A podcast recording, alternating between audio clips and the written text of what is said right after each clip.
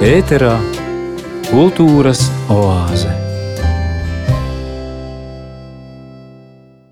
Esiet sveicināti, cienījamie radio Marija Latvijas klausītāji! Savu skanējumu sāk raidījums Kultūras oāze, un jūs sveicina tā veidotājs un vadītājs Normons Zariņš. Laika un notikumu konteksts, kādā dzīvojam šobrīd, ir pievērsis manu uzmanību dokumentālajam kino. Šo impulsu manī raisīs latviešu dokumentālā kino vecmēstars, režisors Ivars Seleckis. Viņa jaunākais veikums - dokumentālā filma Zemnieki, pirmo reizi skatītājiem izrādīta 2022. gada rudenī par sešām ļoti atšķirīgām ģimenēm 21. gadsimtā lauku dzīves pretrunas, ekoloģiskās problēmas, kā arī ilūzijas par zemnieka dzīvi. Mūsu šīs dienas saruna par režisora vairāk nekā 50 darbības gadiem iemūžinot veselu laikmetu. Raidījumā izskanēs arī muzikāli fragmenti no režisora dokumentālajām filmām.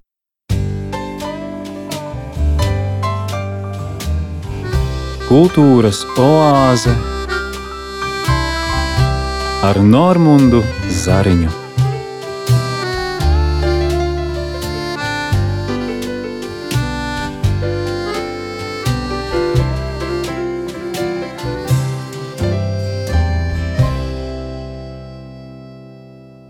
Kā tas viss sākās? Kāpēc režisoram tas ir tik svarīgi? Nu, atklāt sakot, tas viss tā nejauši sākās. Un vispār visai liela nejaušība. Jo Tad, kad mēs sākām to darbu, tad bija arī nejauši. Tur bija Armīns Lēņš, Valmierietis, bija uzrakstījis tādu scenāriju. Mēs bijām ar Armīnu Lēņu, mēs bijām izveidojuši Valmieras meitenes kopā. Un nākošais darbiņš viņam ienāca ideja, kad tagad ienāk Latvijas laukos labas tehnika, nu, apskatīsimies, kā tur kādas krāsas, traktoriem, mašīnām un daba un tādu, nu, tādu skaistu filmu par lauku tādu. Un uh, to, to pieņēma. Un tagad uh, to sen arī pieņēma, un tagad prasīja man, nu, ko es darīšu, ko es ar tiem laukiem darīšu. Un es, un es tā domāju, domāju, nu, ko mēs tur tā rīznieki, es arī esmu lausnieks, bet nu, tomēr rīznieks, dzīvojis Rīgā visu laiku, nu, un tā, un tā, un, un nu, nu riskēšu. Un uh, tad Ja mans tēvs kādreiz, kurš bija agronoms, teica, nu, jebkurā gadījumā turies pie zemes, tā tev nekad nepievils. Nu, un es domāju, tie ir tādi zelta vārdi. Nu, kāpēc gan es nenoriskēšu? Nu, lai ir tā filma pa laukiem. Nu, Krāsains platekrāns, aizbraucām uz laukiem. Tas bija 1972. gads, kad uh, sākās Latvijas lielais pārveidošanās darbs, kad uh, taisīja lielos laukus, uh, mājas šķūrēja nost, ozols spridzināja, mājas dedzināja, un mēs nokļuvām tādā vidē. Un sapratām, ka ir ziepes, kad viss tas skaistais paliek nost. Ja, ja mēs esam dokumentālisti, tad mums jāfilmē tas, kas tur notiek. Un mēs sākām filmēt šo filmu, jo o, tas bija ļoti grūti, jo no mums baidījās un vispār visādās tur veidos, un jo to, tiem tas um, tie lauku, tie pārveidošanās darbi, nevien, ne visiem tas patika, jo tas tika aizskās daudz cilvēku intereses un tam līdzīgi. Un, nu, bet uh, mēs to visu pārvarējām un, un uzsumējām to procesu, kā, kāds viņš ir. Nu, ne visos sīkumos, bet lielos lokos, lai saprastu, ka uh, tas nav tik idiliski, kā, tu, kā izskatās, ka tur tiek sagrautas dzīves, tiek sagrautas mājas un uzfilmēt tā, kā to visu varēja, varēja uzfilmēt. Protams, tas arī nebija, nebija ļoti konkretizēts, jo tas bija tāds par laukiem vispār. Tad, bet galvenokārt tas viss sanāca zemgalē. Un, eh, un tad, kad mēs šo filmu sākām likt kopā, tad izrādījās, ka tas nav tik vienkārši un ļoti sarežģīti. Tas iznāca to visu. Un nevar atrast atslēdziņu, kā visu to ir pasniegt, jo tai filmai vajadzēja komentāru, jo citādi eh, nevis nekā nesaprastu. Un tad iznāca tā, ka tai, tur pieslēdzās klāt Peters un Franks. Divi cilvēki, jo to filmu nevarēja ilgāk gaidīt, jo studijai bija plāns, vajadzēja maksāt algas, ja kāda filma nokavējas, tad tur viss ir skandāls, un tam mēs esam vainīgi, un tā redakcija teica, jūs ilgi kuturēt, te jūs papildu spēku un tā. Un Pēters uzrakstīja vienkārši ļoti interesantu tekstu, kas pavērta, kas visu to lietu vispārināja lielos lokos. Viņš pateiks to, ko ar, ar attēlu vien nevar pateikt. Attēlu ir iekšā, bet to vajag pateikt vārdos. Viņš šo tekstu uzrakstīja ļoti labu.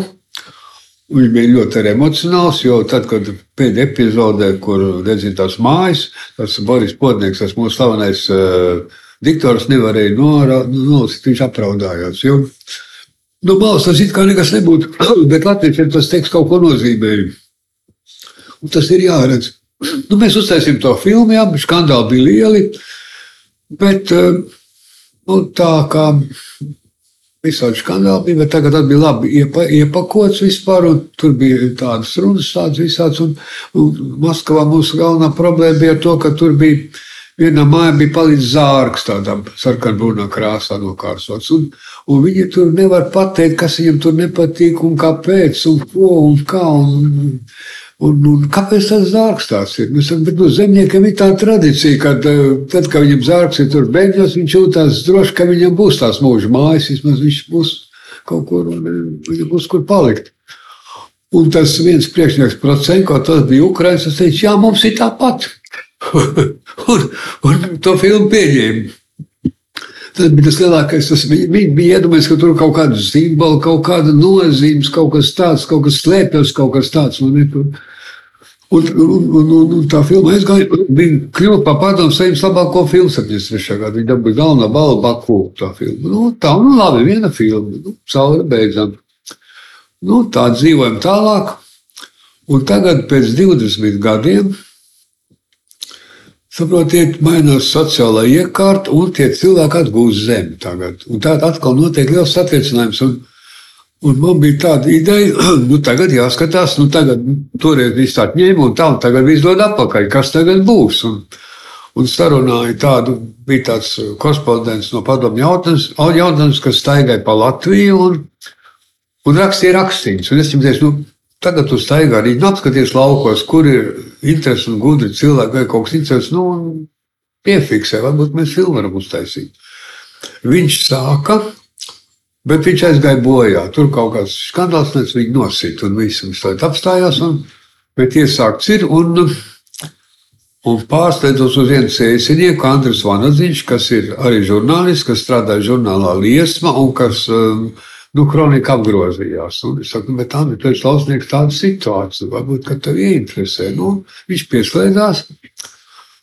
Un tad mēs sākām to lietu tur, turpināt. Mēs sameklējām šos varoņus, kas ir tiešām unikāli varoņi. Tā filma saucās Nāc lejā, nāc lejā bālais mēnesis. Unikāli varoņi. Tur bija arī tāds varonis, kas 28 gadus apsaimniekoja savu māju, dzīvodams bēniņos. Viņam nebija dokumentu. Un viņš savu māju, māju savu to visu to zemnieci vadīja ģērbies sievietes tērpos. Sievietes ģērbos. Nu, arī tāds varonis lūdzu. Ja? Un, un, un ļoti dažādi varoņi bija. Un tā filma tiešām, tā tiešām bija laba filma. Mēs viņu uztaisījām un domājam, nu, atkal numies. Nu, labi, labi, tā, tas ir tāds periods, jo ne cilvēki dabūna zemu, kas ar viņiem notiek. Cits vārds, cits neprot, cik jau atjaunot kā pīcām. Tā ir laba, interesanta filma. Viņi tagad labi skatās un atkal miers. Bet tagad jau notiek tālākais, kad Latvija iestājās, stājās Eiropas Savienībā, un Latvijā parādās zemnieki, teiksim, no vācieši. Ja? Atkal kas, kas notiek? Ja? Un tagad jau tas scenārijs, viņš saka, paklausies, mums tad jātaisa nākošā filma, jo kaut kas notiek. Bet visu laiku no tiem laukiem tie cilvēki kaut kā, nu, It kā jā, bet tomēr iet prom. Man tie, kas dabū zemi, nevar apsaimniekot, tā iet prom. It kā iet prom. Uztaisot to filmu, nu jau trīs filmas ir. Nu, tagad viss ir. Un tagad pēc kaut kāds laiks, atkal kā desmit gadu, un tagad man atzīst, ka paklausies. Tagad šie cilvēki uz laukiem nāk atpakaļ. Kas viņi tādi ir? un, un, mēs uz mēdī sarunājām, man viņam neviebildam, un uztaisīsim to filmu, jā, kas ir ļoti fundamentāla un tāda, nu, Un viņi tādi iznāk tagad noslēdzoši. Jo skaidrs, ka vēl kādu divus gadus gaidīt, nu, nav, nav iespējams, ka tie satricinājumi man ies garām, jo es esmu pietiekoši daudz jau sakrājis tos gadus, lai neriskētu gaidīt vēl tur kaut kādu. Un iznāk tagad, ka 50 gadu laikā mums ir tāds tādas filmas, kas ir latviešu zemnieku satricinājuma brīžos, tādos lūdzu momentos mums ir uztaisīt filmas. Daudz tur kaut ko nevar ielikt, bet tomēr nojausmu par to, kas notiek, ir. Kādi tie cilvēki ir, kā viņi runā, kā viņi spriež, tas ir laikmeta dokuments. Un tad mēs atceramies vēl vienu tādu teicienu, kas mums ir populārs. Kas nav pierakstīts, tas nav bijis. Vai sakot, kas nav uzfilmēts, tas nav bijis. Un tas eh, teiciens nāk no tiem laikiem, kad rakstīja ceļādas grāmatās tos, tos notikumus, un tur tiešām tā bija. Ja nebūtu ierakstīts, ka Latvijas karoks nāk no cēsīm, tad viņš nebūtu bijis. Jo karoks bija sēļiem, karoks bija zemgaļiem, karoks bija kuršiem, viņi nav pierakstīti, viņi nav bijuši. Saprotiet? Gars vakars pārklāj zemi, svēts klusums iestājās. Tiek balais mēnes drūmi, uz zemi noraugās. Tiek balais mēnes drūmi, uz zemi noraugās. Nāc lejā balais mēnes, mans noskumušais draugs. Ņem dalību ar mani, mans liktenis drūms un bargs. Ņem dalību ar mani, mans liktenis drūms un bargs. Saldu sapņu viļņos, vēl reizi līgotu, un reizi tikai reizi, ko jūtu izteiktu, un reizi tikai reizi, ko jūtu izteiktu.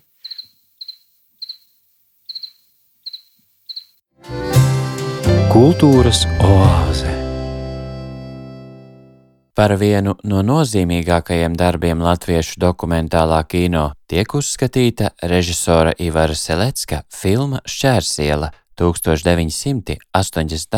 gads. Tās dažādie iedzīvotāji ar saviem likteņiem, ikdienas gaitām un kaimiņu attiecībām veido sabiedrības mikromodeli Latvijas trešās atmodas laikā. Šķērsielai ir divi turpinājumi - jaunie laiki šķērsielā 1999. gads un kapitālisms šķērsielā 2013. gads. Raugoties no šodienas skatu punkta, pārdzīvotās Covid-19 pandēmijas, Krievijas plaša mēroga kara darbību Ukrainā, kā arī vispārējo politisko situāciju Latvijā, varbūt sanāktu vēl viens turpinājums. Kāds skats, raugoties uz šī brīža notikumiem Latvijā un pasaulē, paveras no šķērsielas perspektīvas. Šķērsiela ir ļoti transformējusies. Tur gandrīz viss tā paudze ir aizgājusi, bet galvenais ir mainījusies, mainījusies dzīves stils.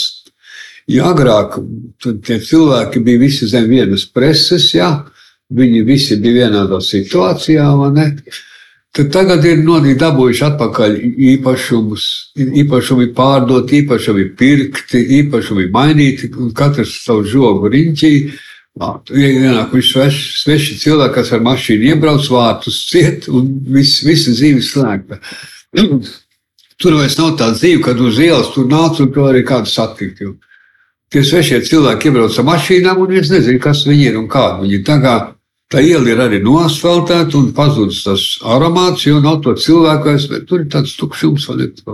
Tā kā viņi ir, protams, tā arī varētu, varētu būt tāda filma, bet nu, nezinu, vai viņi būtu simpātiski nezinu, vai viņi būtu. Jo tur ir palikuši tikai pāris varoņi, tāda daiga ir palikusi un, un, un, un, tas aldus, ja tie divi varoņi palikuši, kas tur vēl ir. Saprotiet, to varat arī darīt, bet šī gadījumā būs pārmesta tur nostalģija un ko tur un kā tur. Un, protams, viņam ar tā dzīves ir mainījušās, bet uh, Daiga, tā daiga tur dzīvo, un Aldis arī būvēja savu māju. Viņš uzbūvēja šo, māju ļoti, ļoti lielu. Viņam ir iespēja nodokļi. Mēs sakām, ka tev vajadzētu piemaksāt, jo visi protams nāk skatīties to nav lielo māju, kāpēc tev tur nodokļus jāmaksā. Katrā gadījumā to varētu izdarīt, bet tas pavisam kaut kas izbūtu. Domāju, ka tā filma nebūtu pārāk skatāma. Tur būtu vairāk runāšanas un tādas filozofēšanas un runāt. Tā kā, nu, tur nav, nav tik simpātiski, nu, tie jau varoņi simpātiski, jā, bet, bet, nu, es domāju, ka es, man, man skumjas tur negribētu iet iekšā. Tā, man acis priekšā tas laikmets, viss, kas tur ir, kā tur visi cilvēki gājuši, tā dzīve, kā viņi aizgājuši. Un tas, un, Un tā, tas tāds bēdīgi noskaņa būtu. Tā kā man negribētos to darīt. Tas, kas man atmiņā, tas, tas skaistais laiks, kad tur viss bija un arī kaut ko sarunāt, un viss bija notiek, nu, tas tomēr paliek. Negribētos viņu zaudēt to šķērsjos priekšstatu, kāds man ir palicis priekšā. Tā kā es laikam tā pilnu netaisītu. Tomēr. Saprotiet, ka cilvēki parasti mīl atcerēties kaut kādu nostalģiju, to, ka ja tā ir bijuši kaut kādi. Tad mazliet tiek varbūt idealizēts sīkās pārmetumi vai rūpības tur aizmirst. Tas paliek tikai lielās lietas un lielās lietas, kad cilvēks dzīvo un, un veidojas. Un tas jau ir parasti optimistisks, vai ne?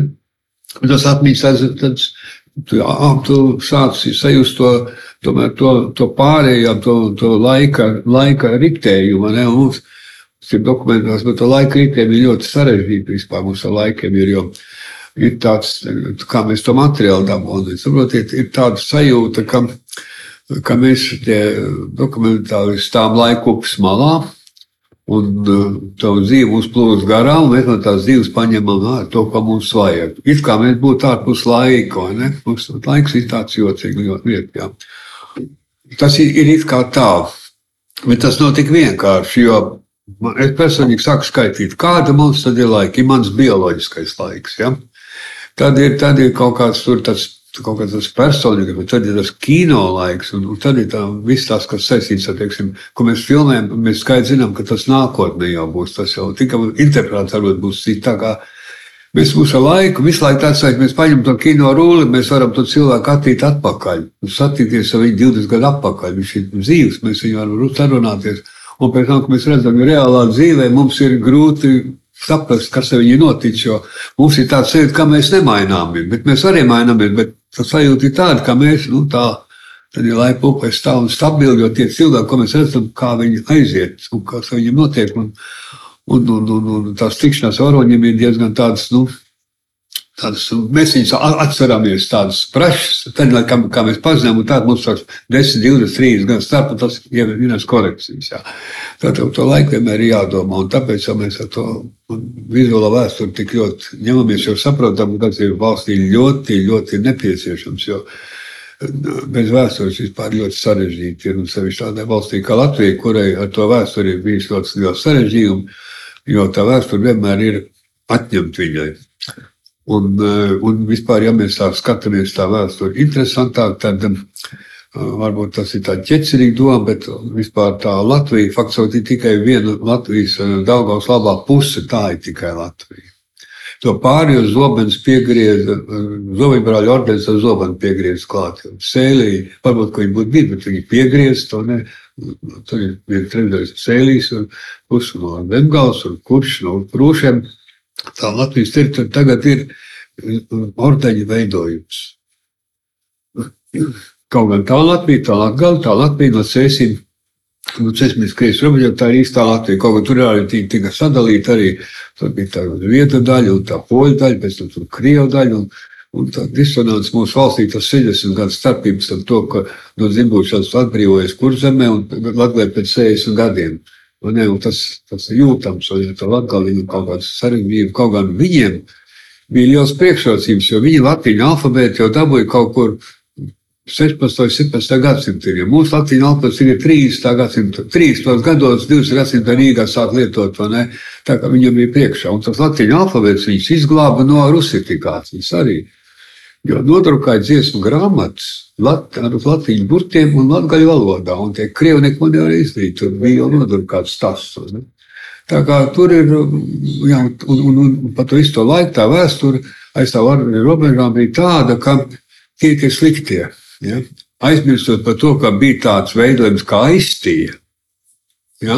Kur tā cilvēks dzīvoja tur no, no Vislas grīvas līdz Igaunijas robežai. Tas viss tā, nu, tā aizsīja visas variants. Ja? Un tas ideoloģiskais centrs bija Kenigsbergā, tur, tur Prūsijā, kur tie krīvi, krīvi bija un tā uguni kurināja, ja? un tas viss vis, vis to saturēja kopā, ja? par to neviena vārda. Un vispār tie prūši jau nebija nemaz tādi muļķīgi, ļoti labas galvas bija. Un tie, kas tur vēlāk parādījās, arī tas pats Kants, ko mēs visi zinām, par Rūsas. Un vēl tur visādi prūši ir, kurus mēs nezinām. Tad ir vietā nav veikt izrakumu. Ne vācieši gribēja, ne tagad poļi grib. Tā kā vispār tā vēsture mums ir. Mums vajadzētu uzzināt kaut ko vairāk. Klausoties Ivara Selecka aizrautīgajā Latvijas vēstures apcerē, lieku reizi atskārstu, cik maz mēs zinām paši savu vēsturi No savām skolas gaitām arī atminos vienu paviršu pieskārienu tai. Viss, ko zinu par savu dzimteni, saņemts mantojumā no ģimenes, un cik labi, ka tā. Un tagad vēl mazāk tāds. Tas ir apbrīnojami, ka es paklausos tās stundas, tad man tur darīšana jau. Es apbrīnoju, cik šausmīga tā ir noziedzība vispār, atklāt sakot. Par ko mēs tik nemācāmies? Vēsture jau sāk sociālo kaut ko. Nu, pats galvenais ir apzināties saknes, kas ir Tas mums ļoti svarīgi pašapziņai ir. Jo citādi iznāk, tur cilvēki izkrīt Eiropā kaut kur kultūras. Nē, mēs esam senāk par visiem tiem, kas tur ir. Ja apskatās to koku, tad tur viss ir pat ķelti redzējuši, bet mums tā valoda ir. Jā, un nav, ko, nav pat ko runāt. Un, un šito neiestāstīt, nepastāstīt cilvēkiem. Un tas ir pāri noziegums. Ko tie izglītības ministri domā, ar ko viņi nodarbojas? Viņi grib taisīt kosmopolītus kaut kādus. Cilvēks, ar kuriem var manipulēt, ja, kuriem nav pagātnes. Ja. Tas ir vispār ļoti pašapziņas, ļoti svarīgi. Un tas jautājums ir ļoti, ļoti sāpīgs, tāpēc, ka kaut kā nesaprot. Vienkārši par to vajadzētu arī padomāt, vienkārši arī, arī, arī ticībai būtu ļoti nozīme, jo mēs kristīgā ticībā mēs, esam. Un, Bet par to vēsturi mums ir tieši tāpat. Mums ir ieskatīties vēsturē, un, un to nevajadzētu kaut kā vairāk izmantot. Arī padomāt par tām, par tām senām lietām. Jo.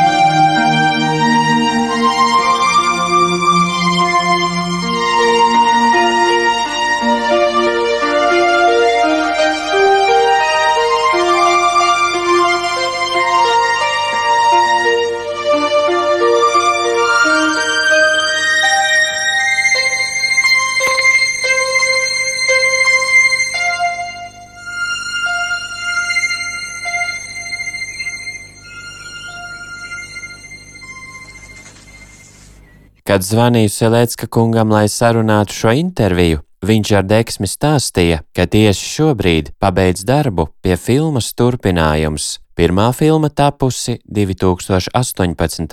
gadā, viena gada vērojums par to, kas notiek bērna prātā un dzīvē. Šīs filmas sakarā mani ļoti uzrunāja kinožurnālistes Kristīnes Matīsas paudums. Citēju: Es tikai nu jau labu laiku domāju, Tas viss taču ir totālā pretrunā ar to, kā globālie procesi 21. gadsimtā attīstās pasaulē un Latvijā, kur mazās skolas slēdz, lauki tukšojas un pilsētas uzbriest kā ūdens galvas, un varbūt pēc 35 gadiem Kārlim nemaz nevajadzēs pašam tīrīt sniegu pie savas mājas, to viņa mikrorajonā darīs robots. Vai varbūt kinomākslai ir tāds spēks, ka tā var pagriezt pasauli uz pareizo pusi? Ivars Seleckis acīm redzami zina, kur ir Latvijas ideālā nākotne, vai mēs varētu ieklausīties? Citāta beigas. Ko režisors atbildētu Kristīnai šodien, kad teju noslēgs darbu pie jau nākamās šīs filmas daļas? Latvija ir ārpus Rīgas, protams, un ārpus pilsētām. Jo saprotiet, šī tik skaista daba un tā dabas izjūta un viss pārējais. Un tad, Tur jau ir tas spēks. Šeit jau arī teica, ka tie pilsētas kvartāli ir visur vienādi, vai Londona, vai Rīga.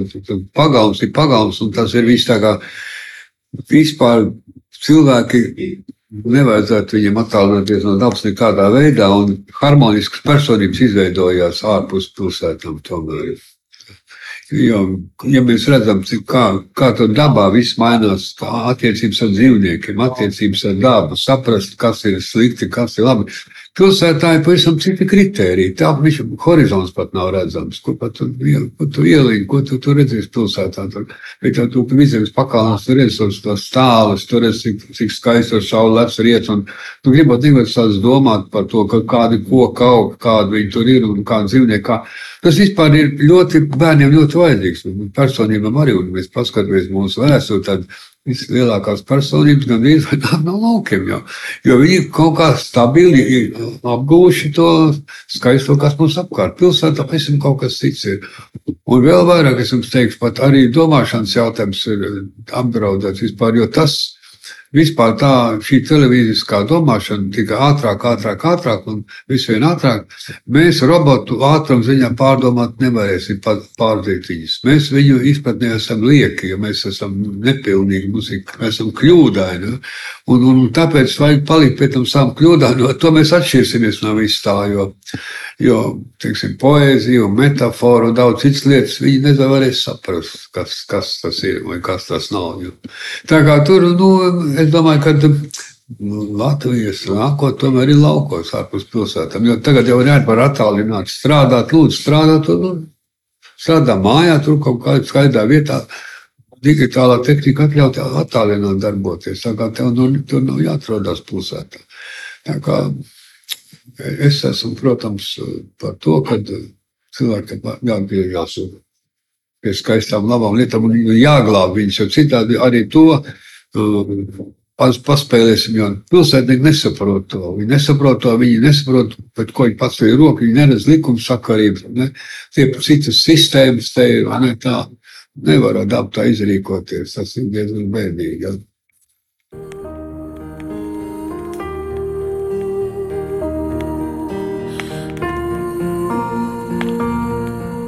Dēlēns Markus jau nolūzis un saldi guļ kāds miers visapkārt. Un tu pasaulē neesi viena. Un tev no tēva mantotā zemē ir savs pavārds.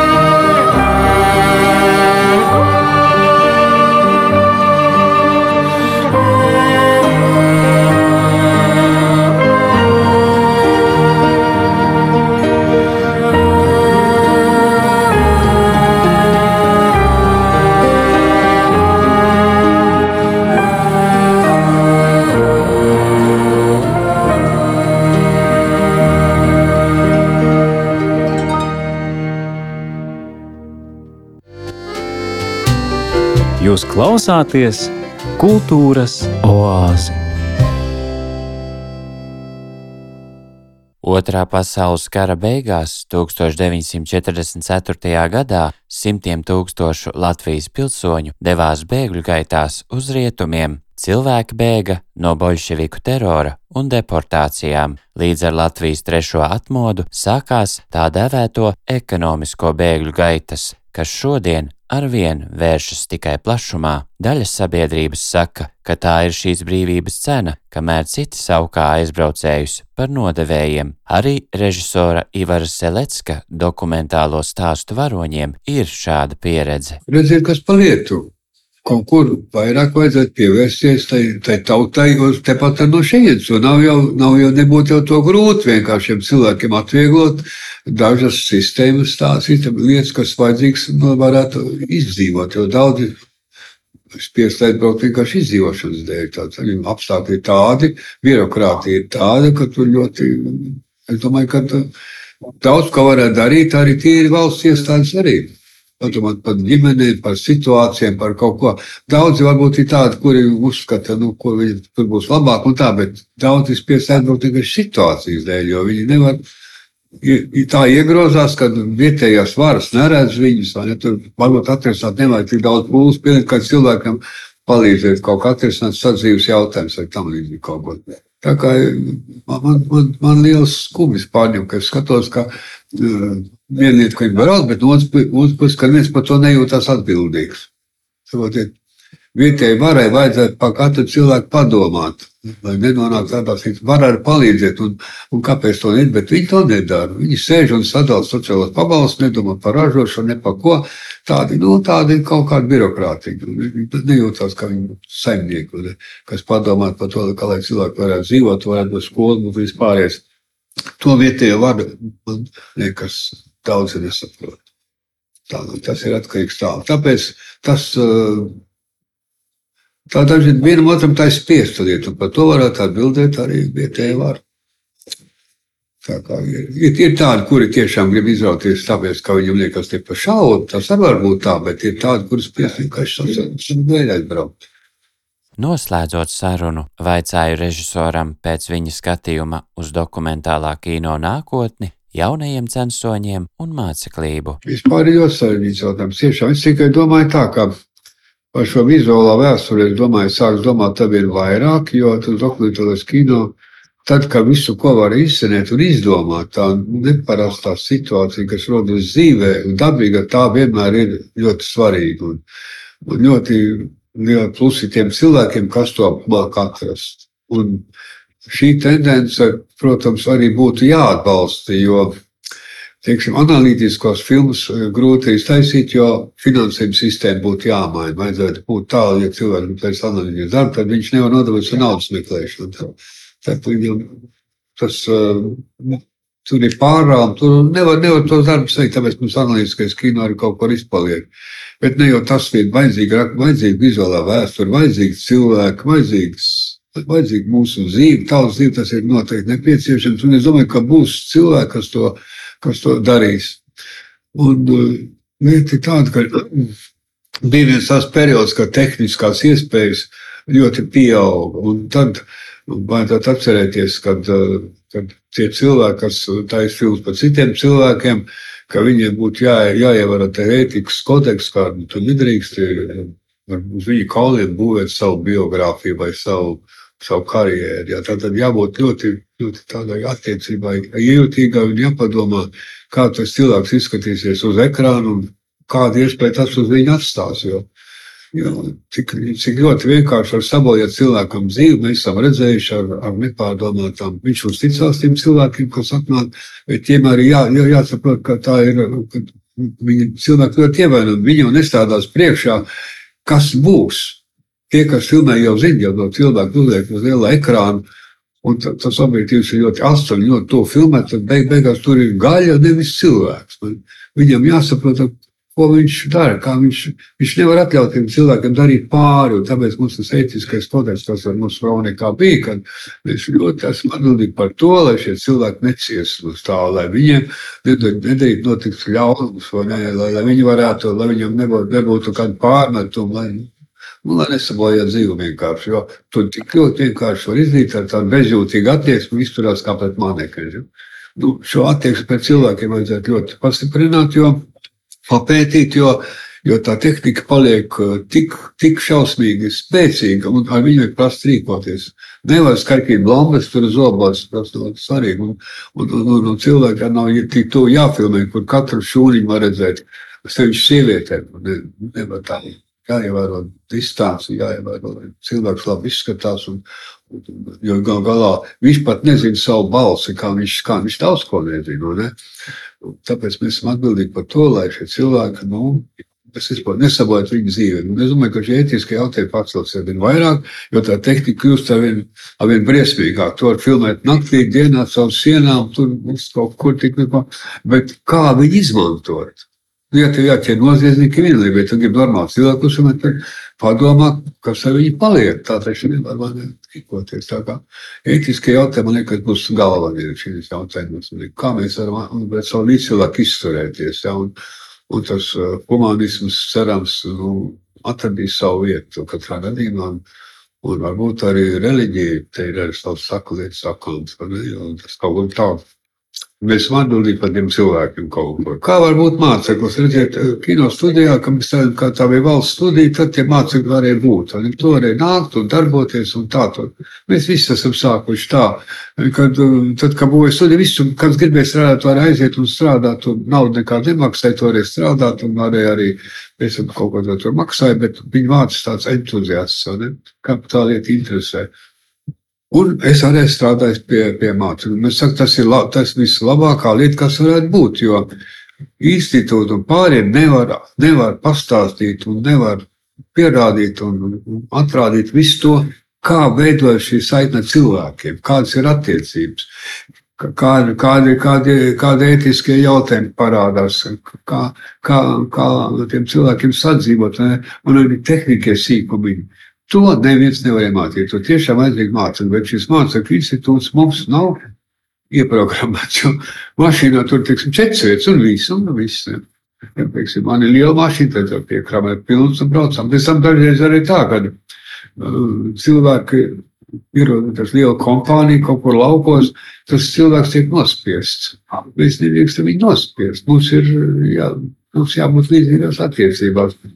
Jo, ja mēs viņu nospiežam, tad mēs nekad nedabūsim īstenību. Viņš vienkārši pateiks kaut ko, lai tiktu no mums vaļā. Jo tur īstenībā padomu laikos bija tā, ka, lai cilvēks normāli parunātu, viņš man kā trīs mēnešus bija jākontaktēs. Jo viņš atbildēs, viņš atbildēs, bet tā būs Rīgas balss, kur šitie, visas domas tiek izteikts ar 30 vārdiem. Ja? Tam jūs gribējāt, lūdzu. Bet īstās domas viņš nekad nedabūs. Viņš arī baidījās, un viņam vajadzēja saprast, ka viņi arī novērtēs, ko viņš tur pateiks. Ka viņi saprot, ko viņš ar to domā. Un tas tik vienkārši nebija. Ja? Tā kā visas šīs lietas ir tādas, nu, Tā ir tā netverama lieta. Es pat tas viss tā ir sakrājies, ka jūs man uzdodat tādu jautājumu. Es sāku domāt, nu, tas it kā vienkārši, bet tā vienkāršība ir ļoti sarežģīta. Un to var iegūt tikai pieredzi. Jā, to iemācīt to nevar.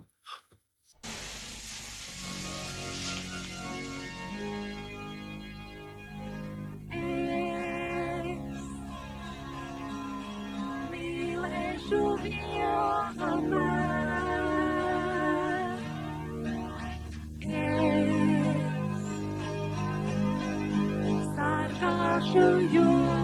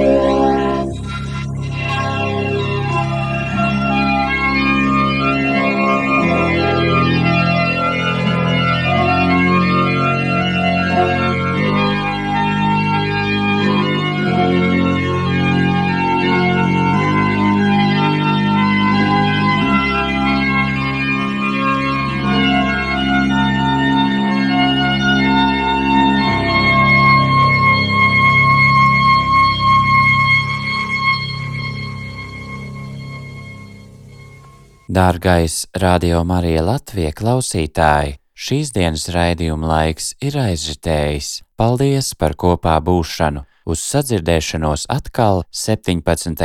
janvārī, 2017. kad viesosimies Bērciemā pie īstas Latvijas saimnieces Īvetas Celkartes.